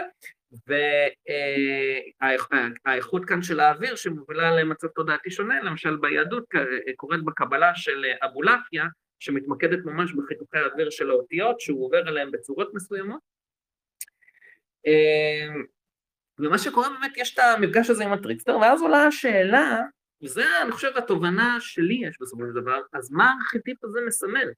בסופו של דבר, מי הוא המקור לכל האב-טיפוס הזה, של הליצן הזה, של הטריקסטר הזה, שמומחז לנו בטארו, ב-DMT, במיתולוגיות, בתורה גם, בכל מיני דרכים, ובקרקס, במפגש שלנו עם הקרקס ועם הקוסמות שמבלבלת אותנו כמו שהשפה יודעת לבלבל. מה, מה בעצם המקור לאב-טיפוס הזה? מה הארכיטיפ הזה מסמל? למה אנחנו נפגשים בו כל כך הרבה במצבי תודעה השונים האלה? והמסקנה שלי, ועם זה אני אסיים, הטריקסטר בסופו של דבר הוא המחזה, כן, אגב, גם פה, מקבט של אה, שייקספיר, אה, פורטר והמכשפות, אה, דמויות טריקסטריות. יש את השוטה של שייקספיר, שהוא דמות שחוזרת על עצמה הרבה. חלק מהפעמים הם פשוט כדי להפיג מתח דרמטי בסיפורים שלו, אבל גם הוא הבין את הארכיטיפ הזה טוב מאוד. שייקספיר הוא גם אחד מהמאסטרים הגדולים של הסיפורים האלה, של ההבנה של האב טיפוס. אבל מה האב טיפוס הזה מייצג? האב טיפוס הזה בסופו של דבר מייצג את השפה, את ה-mind. השפה בסופו של דבר היא אם כל הליצנים, הבלבולים, הקרקסנים, והיא אם כל מה שמבלבל אותנו בתור הבעיה האנושית שלנו. ואנחנו יכולים להחליט האם אנחנו הולכים בדרך של קומדיה או בדרך של טרגדיה. האם אנחנו יוונים או האם אנחנו, אני לא יודע אם, אם, זה, אם זה כבר דרך יהודית להתמודד עם העולם, אבל האם אנחנו הבנים שהם נטועים בטרגדיה, או שאנחנו מדברים באמת בשפה של, אני חושב, האנשים הגדולים של, של הרוח האנושית, אם זה הקומדיה האלוהית של דנטה, או פרנסואה רבלה שהקראתי, או ניטשה שהקראתי קודם, שראו בצחוק יסוד מטהר וחזק מאוד. באמת מכל המנגנונים, המנגנונים הפסיכולוגיים הידועים בפסיכולוגיה, כמו הכחשה או היפוך תגובה, כל מיני דברים כאלה שאגב, הרבה מהם נטועים בעצם מנגנונים של השפה, הטוב ביותר, המנגנון הכנראה מוצלח ביותר, הוא החוש הומור. אה, אז אה, אני חושב שהפעם היה יחסית אה, קצר, רק שעה, אבל עכשיו אני יכול להעלות אתכם לשידור, לענות על שאלות ומה שתרצו, אז בואו נראה. קליינבום, אני מה זה מצטער שעצרתי אותך באמצע, הייתי בכזה שוונג שלא רציתי לעצור. לא, אז... זה פשוט מהלך כל כך חשוב. אה, מהלך כל כך חשוב, ואמרת יוונים, אז הייתי... הייתי אומר, לא רק, הייתי אומר שהאנטיתזה היא במובן מסוים הבריטים אה, והיהודים. אה, בהקשר הזה של אה, הפיכת ה... יציאה מתוך קנון לשוני לתוך מתודולוגיות חדשות. אני חושב שמצליחות להתעלות, להתעלות בעין על השיעבוד לעצם המילים. אה, אם, אם, אם זה דרך היהודים בתורה ובמצוות, המאוד אה, ממשיים ופרקסולוגיים, ואם זה כמובן אצל הבריטים דרך המתודה האמפירית דדוקטיבית. ורק הערה נוספת, כאילו הערה וחצי. אני חושב שדיברת על קאנט, שאחת הבעיות כשאתה מסתכל על כאילו המהלך האינטלקטואלי המרכזי של קאנט, שכל תלמיד שנה א' פילוסופיה אמור לדעת, המהלך המרכזי הזה לוקח בכל כך רצינות את המושגים של דקארט ויום, בעצם שתי הפילוסופים אולי, פחות או יותר... הוא מתחיל יום, יום בעצם גרם לו למשבר שגרם לו לכתוב את ביקורת התבונה הטהורה. כן, ואתה רואה איך קאנט מתייחס בכזאת רצינות לשפה, אפרופו הלוליין בזרטוסטרה, כן? כן. אה, קאנט מתייחס בכזאת רצינות לשפה עצמה, כן? כן. שאתה רואה שבאיזשהו שלב, במקום לפנות לרגע שאחרי השפה, לפעולה שאחרי השפה, אם זה הגוף, אם זה המחוות, אם זה הקיום, האדם כקיום, אם זה הסיפור, כן? במקום ללכת למקום הזה, יש איזושהי פטישיזציה של המילה, שהיא יוצרת איזשהו עולם מקביל, שבעולם המקביל הזה אה, אין שום אפשרות לגמישות, אה, כי, כי זה סוג של תמיד יעלה גירה. ואני כתבתי שוויטגינשטיין כבר הפריך את הרעיון הזה. ויטגינשטיין mm. עם הרעיון הזה של משפחות השפה, של המשפחות של, אה, רעיון כמעט אנתרופולוגי רדיקלי, הוא הפריך את זה. ואז בואו נחזור ליהודים, וכל הרבנים מתחילים את השיעור בבדיחה. זה בגמרא, שרבי עקיבא היה נכנס והיה מתחיל בבדיחה. יש אבל את העניין שלא תשב במושב לצים, ככה שאני לא חושב שיש להם אה, אה, ראייה אה, טובה כל כך ליצן, אף על פי כן שזה כן חיובי לצחוק על עבודה זרה בצורה הזאת. זה כן חיובי לצחוק על עבודה זרה ולעשות ממנה צחוק באופן הזה. העניין הזה אבל של הומור ושמחה אני רואה בעיקר אצל החסידים, שאני מאוד מאוד מתעניין בהם. עכשיו אמרת רגע רק הבריטים, אני רק אזכיר לך שבמיוחד הבריטים הפוריטנים שאתה מאוד אוהב, הרבה מהם הם אה, מהתורמים הגדולים ביותר לתפיסה הנומנליסטית, שהיא בדיוק זו, שבניגוד לתפיסה אה, האוניברסלית שרואה, אה, התפיסה הנומנליסטית רואה במילים בעצם, כן, דברים, זאת אומרת, פשוט, כש, אתה רואה משהו, אתה יכול לתת לו כל דבר, כל שם שאפשרי, המונליסטים הקיצוניים יגידו אפילו שאין ממש דבר, אבל אתה יכול לתת לו שם, כן? אין באמת ברווז, אבל אתה נותן לדבר הזה שאתה רואה שם של ברווז, אבל אתה לא, המילה עצמה היא לא איזה משהו אוניברסלי, כן? אה, לעומת ה...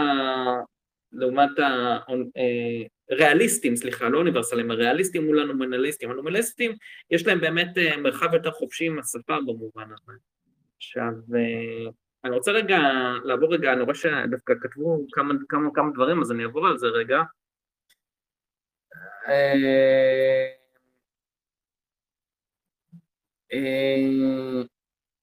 אה, אה, השפות הסיניות משתמשות עד היום בסוג של כתב הירוגליפים, מעניין אם יש קורלציה בין זה לבין האידיאולוגיות האבסולוטיות שלהם.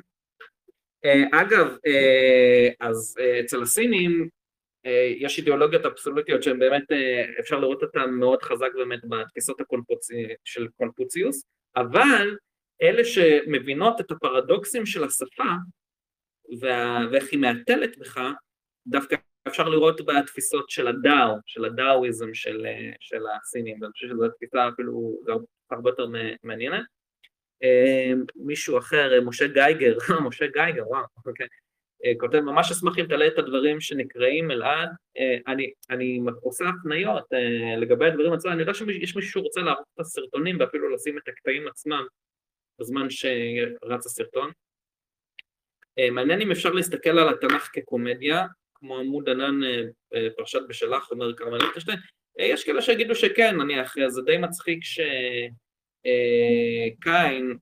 נאמר שכן, הוא לא, לא יהיה לו נחלה אף פעם, הוא, הוא, הוא לנצח הוא, הוא יצטרך אה, לשוטט או לנדוד, ואז הוא אומר, אבל בכל זאת אני רוצה, אני רוצה לגור איפשהו, אז הוא אומר, טוב, תלך לעיר הזאת שקוראים לה נוד, כאילו, מלשון אה, נדודים, כן?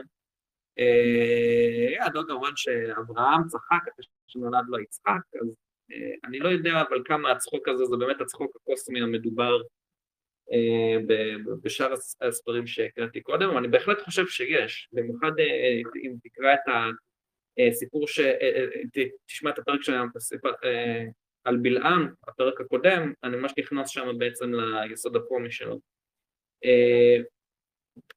קליינבאום, ויטקינשטיין הפריך את רעיון השפה האוניברסלית, רבנים מתחילים שיעור בבדיחה, אני לא מסכים עם עניין השפה והניסיון, אני חושב שחומסקי טען בצורה די מדהימה וצודקת, באמצעים די ברורים, את האמת לגבי העובדה שיסודות השפה כבר קיימות מראש אצלנו, במידה ואינך חולק על תפיסה זו, כל שתוכל לומר הוא שיש כאן עניין של לימוד הוצאה לפועל של פוטנציאל ממשי שבמידה מסוימת אוניברסלי. יש, יש קשיים בתפיסה הזאת של אה, חומסקי, שכאילו אנחנו נולד, נולדים עם השפה, ואחד הקשיים הם שלמשל יש אלמנטים של השפה, למשל של כל מיני הדג... אה, אה, הדגשים של מילים שיש אצל הסינים שהן בשפות אחרות בכלל.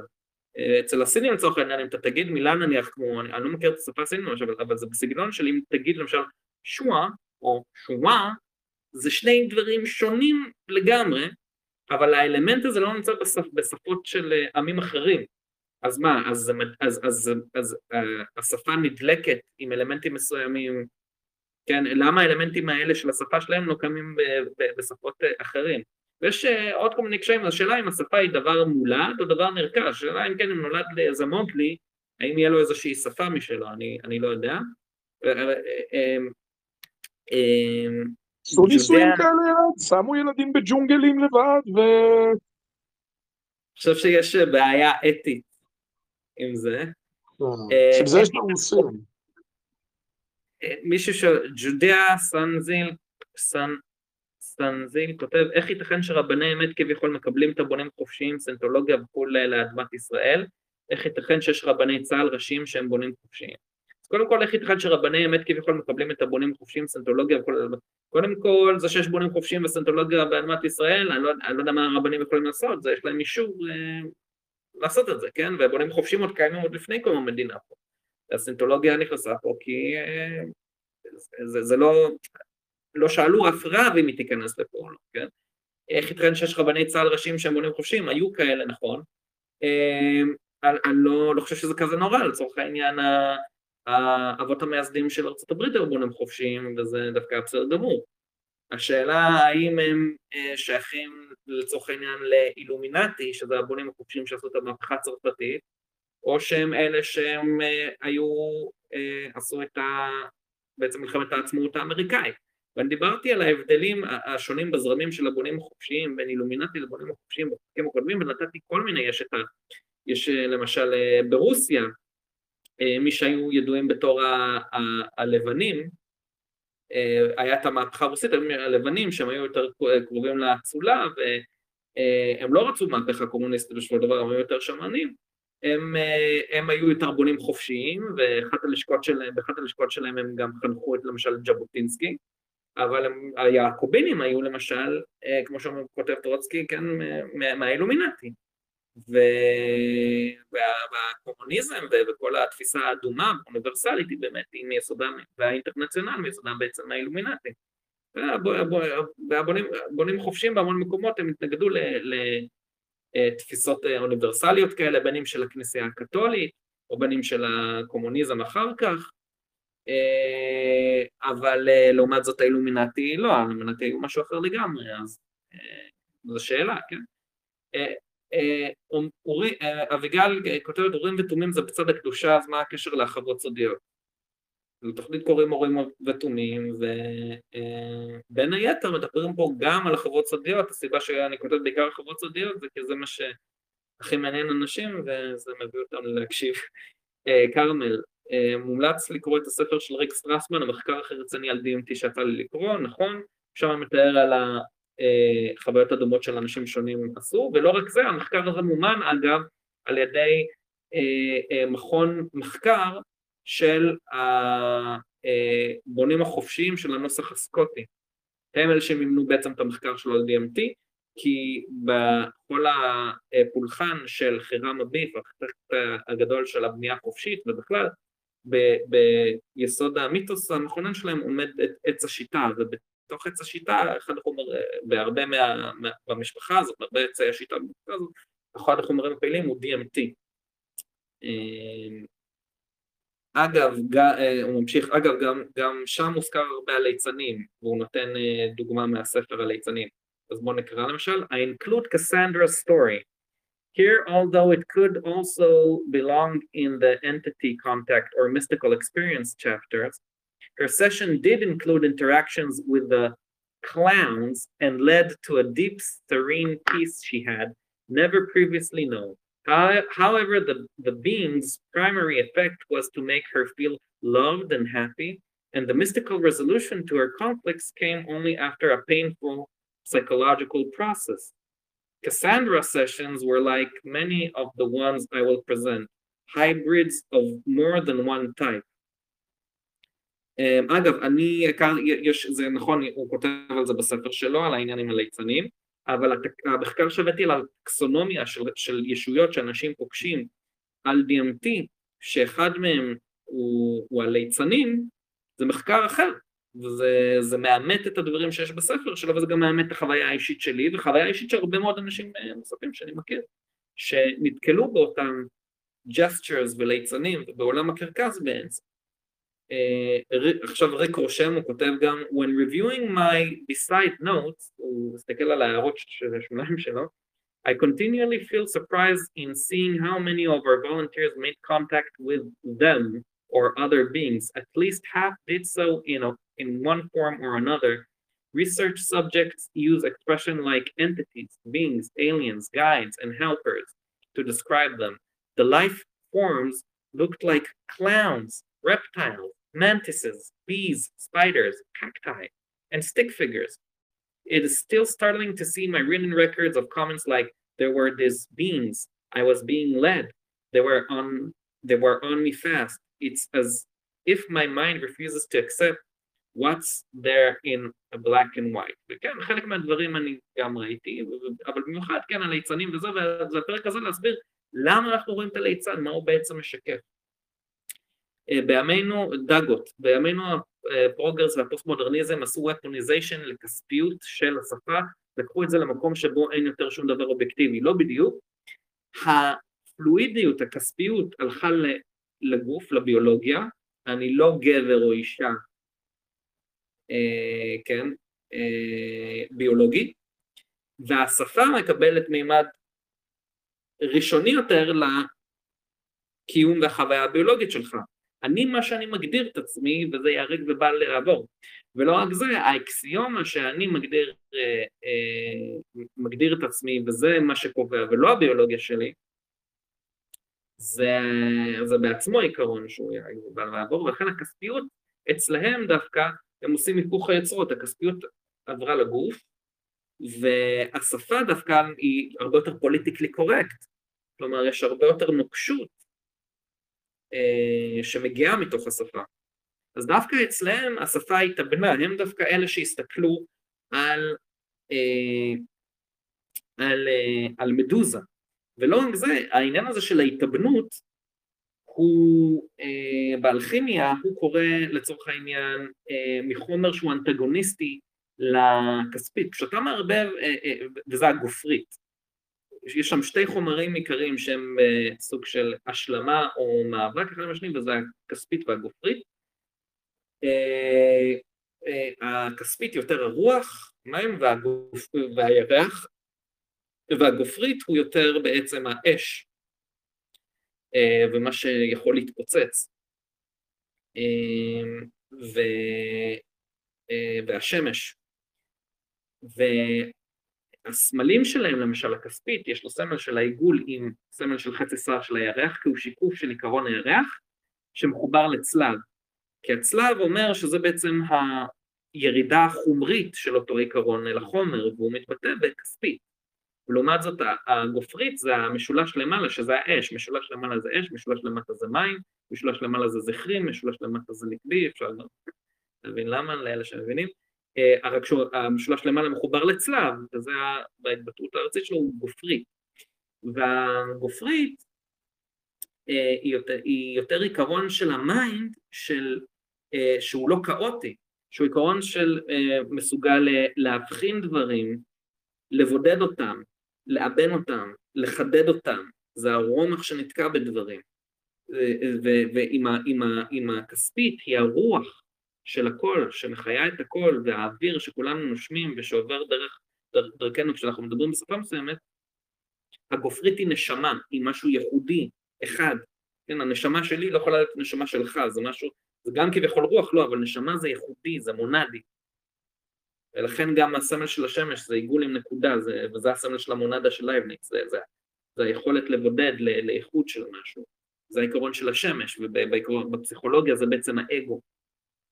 אה, ולכן, בניגוד אה, לצורך העניין למבול של נוח, ששם הם הושמדו בצורה יותר כספיתית של המבול, מסיבות ששם המלאכים הם אלה שרצו להזדווג עם בנות האדם, אה, אצל אשת לוט לצורך העניין, בסדום ועמורה הם דווקא נהרסו לא על ידי מים, דווקא על ידי אש וגופרית. ומה קורה לה כשהיא מסתכלת אחורה? היא מתאבנת למלח, כן? זה דברים שכנראה השפיעו על, על הכימאים אחר כך בתפיסה שלהם. קליינבאום, I have sworn upon the altar of God eternal hostility against every form of tyranny over the mind of man. אלכס ג'ונס. כן, זה היה נשמע לי מוכר.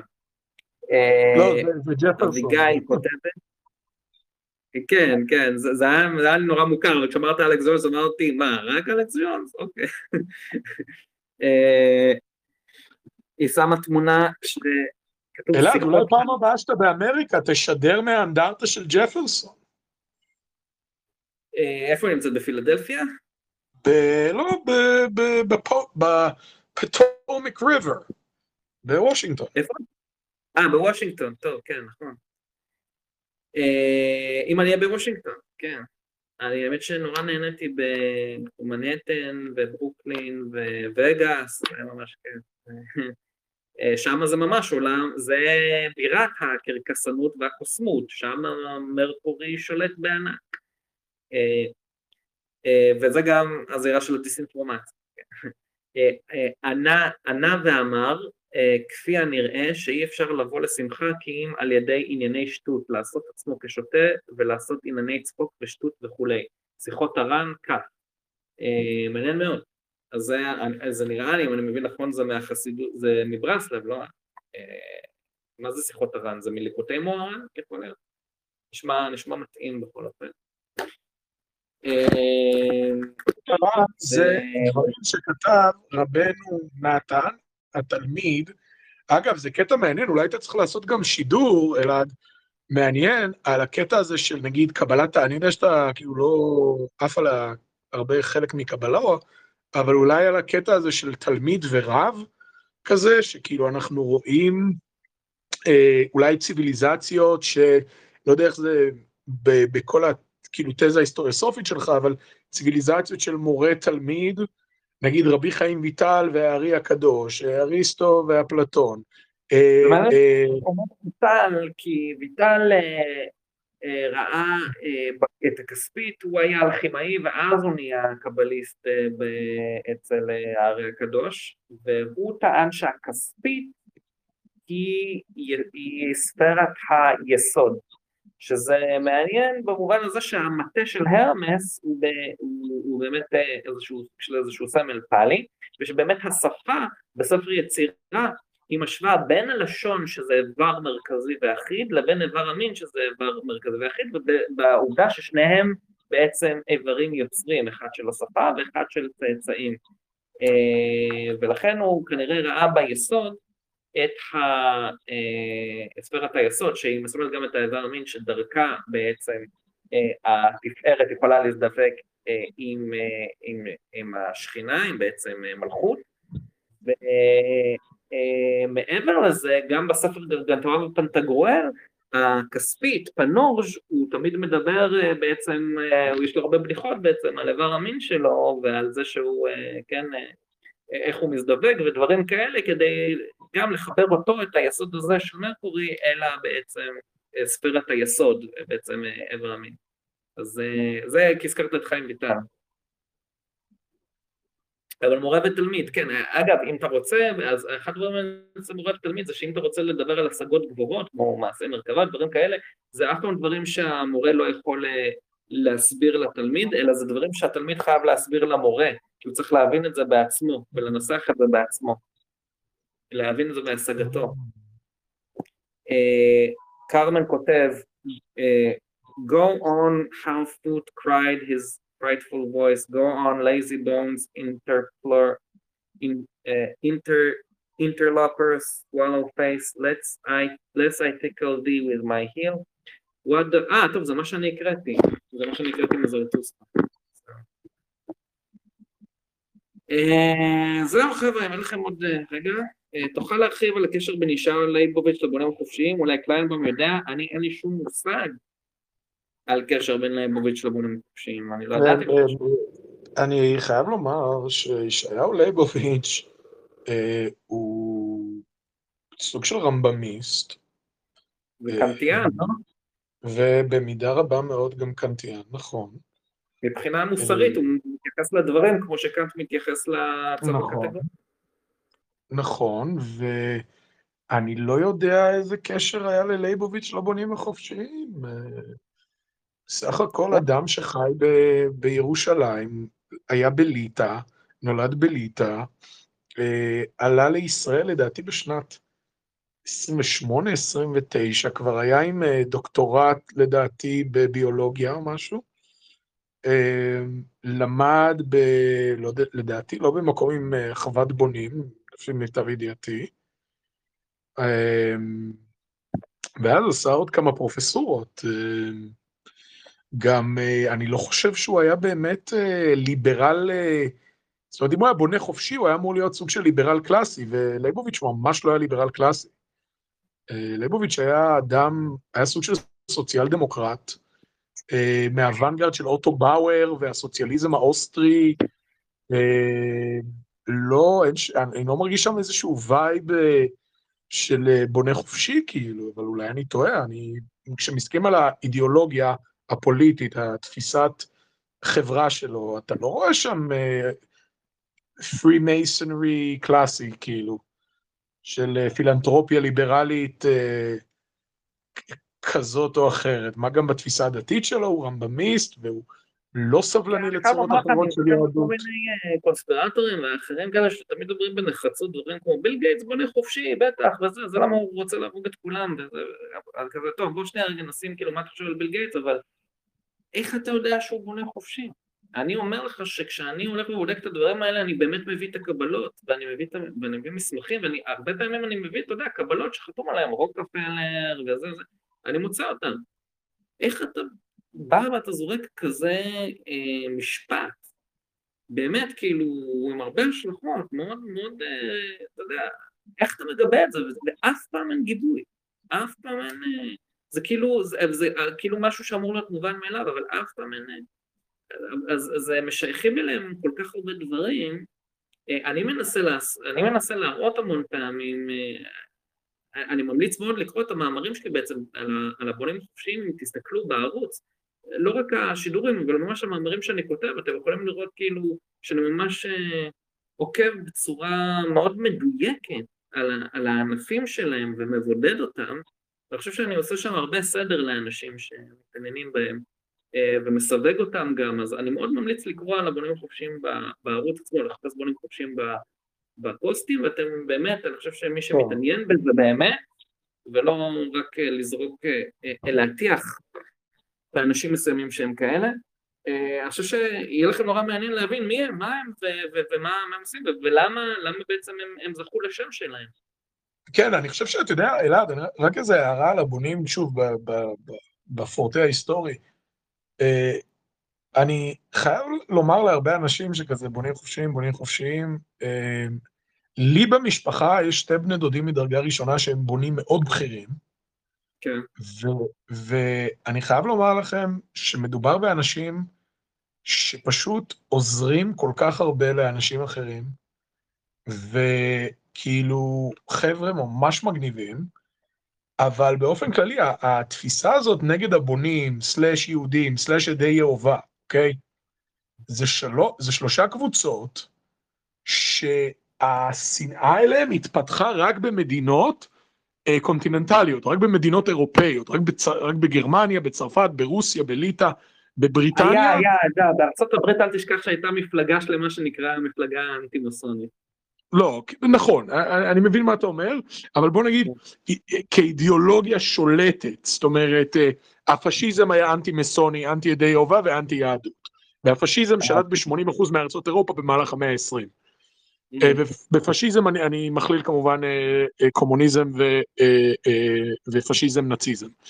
ואני רוצה שתדעו שכאילו התיעוב הזה כלפיהם, הוא, הוא כלפי היסודות האלה, זה, הם כולם, הם כולם אנשים שפחות או יותר כופרים בטריניטי, בשילוש הקדוש, קרי בתפיסות גנוסטיות של אלוהות, בתפיסות נאו-אפלטוניות של אלוהות, הם כולם אנשים שלשון הקודש חשובה להם במובנים מאוד רבים.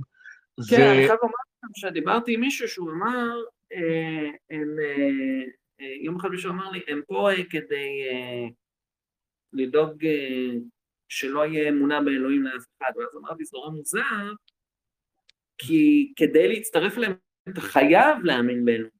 אתה לא יכול להיות אתאיסט ולהצטרף. ברור. רק, רק, רק, רק בזרם הצרפתי, רק בענף הצרפתי, וזה למה הענף הצרפתי תמיד היה מאוד פוליטי ובעייתי, אבל כאילו יש הרבה הנחות יסוד מוזרות מאוד כאילו, לגביהם, כאילו אבל לכן אני מאוד ממליץ לקרוא את המאמרים בערוץ, יש אה, מאמרים נכון. אה, שבאמת אני חושב שהם אה, מהטובים ביותר בעולם. לא, לא, ואנשים צריכים להתחיל לחשוב על האילומינטי כטפיל, אני מתנצל, זה כמו לבוא ולהגיד, אה, סוציאליזם זה הפילוסופיה האירופאית. לא, פילוסופיה האירופאית זה גם... צודק, טפיל, טפיל זה דרך אחת להסתכל על זה, ובאמת בעולם הממים והביולוגיה אנחנו יכולים לקחת את הטפיל כאיזשהו, אה, נאמר, אה, תופעה שניתן להסביר אותה גם בתחום ההרחבות הסודיות, ואני חושב אבל שהצורה הטובה ביותר שאני הצלחתי להסביר על ההמשכיות, כי בכל זאת אנשים כל הזמן מנסים לחפש מה זה האילומינטי הזה? לא רק האילומינטי האגודה שנוצרה ב-1970, מה זה האילומינטי הזה שהיה מימים ימימה, שמאז בוני מגדל בבל וזה, ועובדי חטא העגל ששרדו עד הוונציאנים, ואלה שמקשרים לוונציאנים. הדרך לענות על זה, הדרך לענות על זה, זה לשמוע את השידור שלי על הגביע הקדוש. מה שקורה זה שכל האחרות האלה השונות שאתם מייחסים פתאום לאילומינטי, הן לא קיימות אחד אחרי השני בשרשרת זמן שאחד חונך את השני לתוך חוות האלומינטי ונהיה אלומינטי בדור הבא. מה שקורה זה שהם כולם מתקיימים בו הוות, במקביל. זה בעצם הסוד הגדול של הגבי הקדוש, הם כולם מתקיימים במקביל ושותים ביחד בסעודה במקביל. אה, אז זה קונספט mm. מאוד מעניין, ואני מציע למי שרוצה להעמיק בו לשמוע את השידור ש, שלי על הגביע הקדוש, שחושף לראשונה מה זה הגביע הקדוש אה, תכלס, וזה מסביר איך יכול להיות כזה דבר אילומינטי שקיים מימים ימימה ועד היום.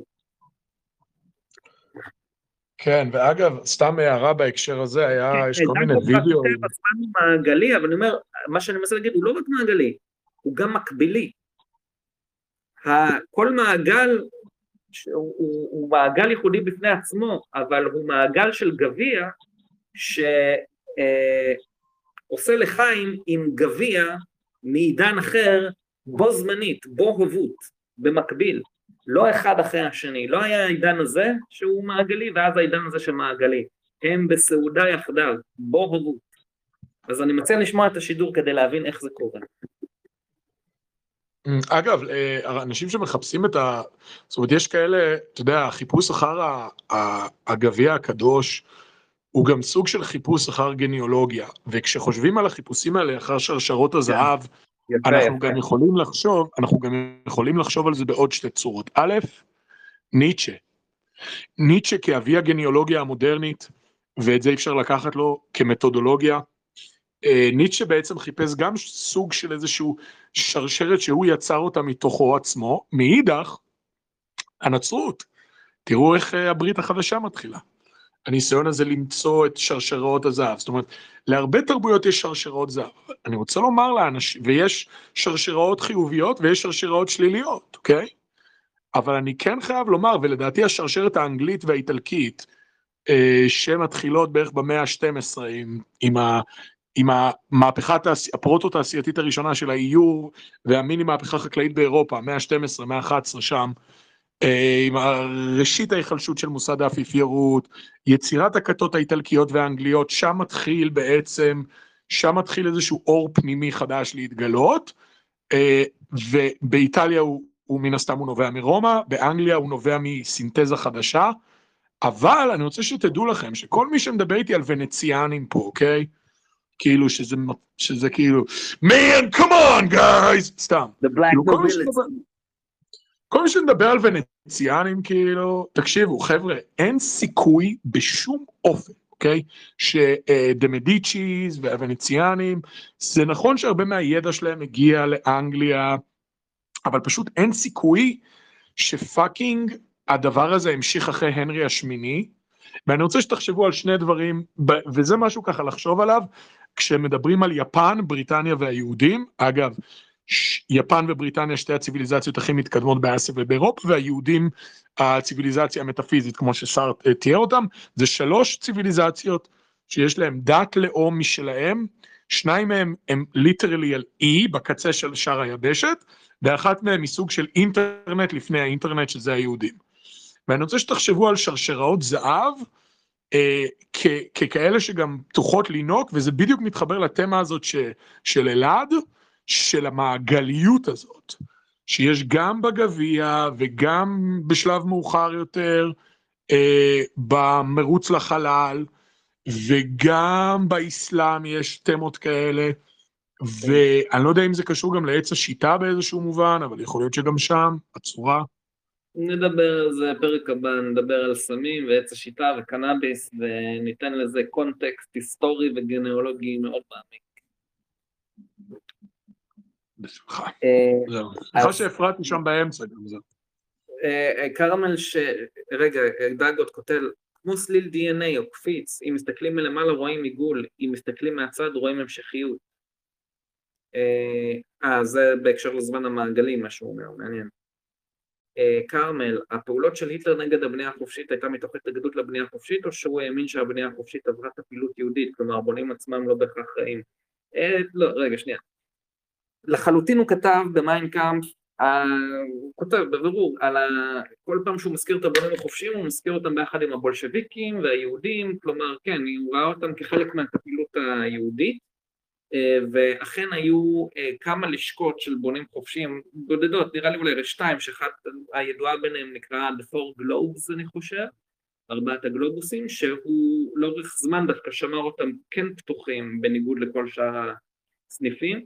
אה, הוא עצמו, כשהוא ייסד את המפלגה הנאצית על גבי אגודת טולה, אגודת טולה הוקמה על ידי מישהו שהגיע מהזרמים של הפרינג' של הבנייה החופשית, זה נקרא בנייה חופשית קצה, זה זרם מאוד מעניין שהוא הוא הזרם הכי מגי, אזוטרי, שדווקא שאב הרבה מאוד מהסופים והאסלאם האמיתי, אה, וטורקיה, אה, אבל גם, גם הוא בסוף אחר כך אה, היה צריך לברוח לטורקיה או משהו כזה, הוא היה שגריר, הוא היה שגריר של טורקיה אחרי שהוא חשף כאילו איך היטלר בעצם בנה את, ה, את המפלגה הנאצית על גבי ההרחבה הסודית שלו, אבל זה בעיקר בגלל שבכל זאת הם יכולים להוות כוח תחרותי ומערער למרכזיות המפלגה הנאצית.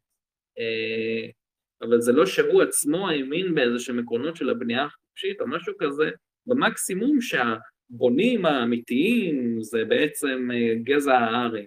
כן. אה, אביגיל, אגב, יש קשר בין הגביע הקדוש לגביע של יוסף, אז את מדברת אם נותן על גביע הכסף של יוסף, שקשור באיזשהו עניין של ניחוש, אה, אני לא בטוח, הגביע הקדוש הוא מונח מצרי, אבל ש, שלקוח מהסעודה האחרונה של ישו, אבל מה זאת הסעודה האחרונה של ישו? זה בעצם ליל סדר פסח. בליל סדר פסח בעצם אנחנו מקבלים גם כן את ההתחלה של ההתהוות של המחשבה הזאת של מה מסמל אחר כך הגביע הקדוש בסיפורים הרומנטיים של אירופה אה, בימי הביניים והרנסאנס, אה, וזה בעצם, כמו שאומרים, בכל דור ודור, שאנחנו צריכים לראות את עצמנו בתור אלה שיוצאים ממצרים, ולעומת מי הצוררים. זאת אומרת, הסיפור חוזר על עצמו באיזושהי מעגליות, ויש כוס אחת ששמורה לאליהו הנביא, שעשה ממש כמו מעשה פנחס, אה, שנמצא בסוף יציאת מצרים, ושאנחנו משאירים את הכוס כי הוא בא לשתות איתנו, למה? כי זה לא שהוא חי אז ואנחנו חיים היום, כי זה קורה במקביל. אז שם מתחיל בעצם תחילת הרעיון הזה, והרעיונות האלה מגיעים גם מהקורס הרמטיקום, אה, ואחר כך השפיעו על כל מי שהיה בעצם באלכסנדריה במצרים, וזה חוות אה, מוסלמיות אסמאעיליות אה, ששאבו מזה, ואני נותן את כל ה... בעצם, ואז כמובן סיפורי הגביע הקדוש בימי הביניים והרנסאנס שקיבלו את זה מהמוסלמים והיהודים, כאשר הסיפור הראשון על הגביע הקדוש בעצם מתאר ליל סדר פסח. אה, אז אני לא בטוח אם זה הגביע אה, של גביע הכסף של יוסף, אבל יכול להיות שיש פה איזשהו קשר ושווה להתעמק בזה. זהו, אני לא רואה עוד משהו. רגע, מה זה? רגע, זה... זהו, כן, אני לא רואה עוד משהו חדש. אז זהו, אז uh, הזדמנות אחרונה למי שרוצה לעלות לשידור או לשאול שאלה, ואם לא, אז אני אסיים. הכל בזמנים בסדר. פחות משעתיים הפעם, זה מעולה. רגע. בואו נראה. טוב, זהו, אני רואה שעוד אין שאלות, ואף אחד לא רוצה לעלות, אז uh, בסדר. Uh, אז זאת הפעם הבאה, אני מאמין שאני אהיה פה בשבוע הבא. Uh, מה שכן, אתם יכולים לכתוב על נושאים שאתם רוצים שנדבר עליהם בשידור הבא, בתגובות.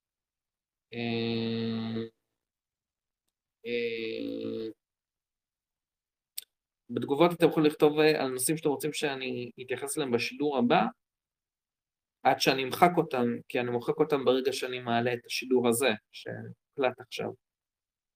ושבוע הבא אני אנסה גם ביום רביעי, אני רוצה לעשות אולי שלישי, אבל גם ביום רביעי, בערך באותה שעה, וזה יכוון אותי. אה, קראו לי בשידור הבא, אתה יודע משהו? בוא בשידור הבא אה, נעבור על כל המאמר של קראולי שנקרא פסיכולוגיה של חשיש, ושזה נותן הרבה רקע גנאולוגי אה, ומיסטי להבנה של מה זה החשיש על פי קראולי ועל פי בכלל החברות סודיות ותרבויות עתיקות ודברים כאלה. אני חושב שזה יכול להיות מאוד מעניין. דרך אגב, ז'בוטינסקי בשיר שלו על חשיש כתב דברים מאוד מאוד מאוד דומים למה שיש במאמר, הוא קיפל אותם לשיר.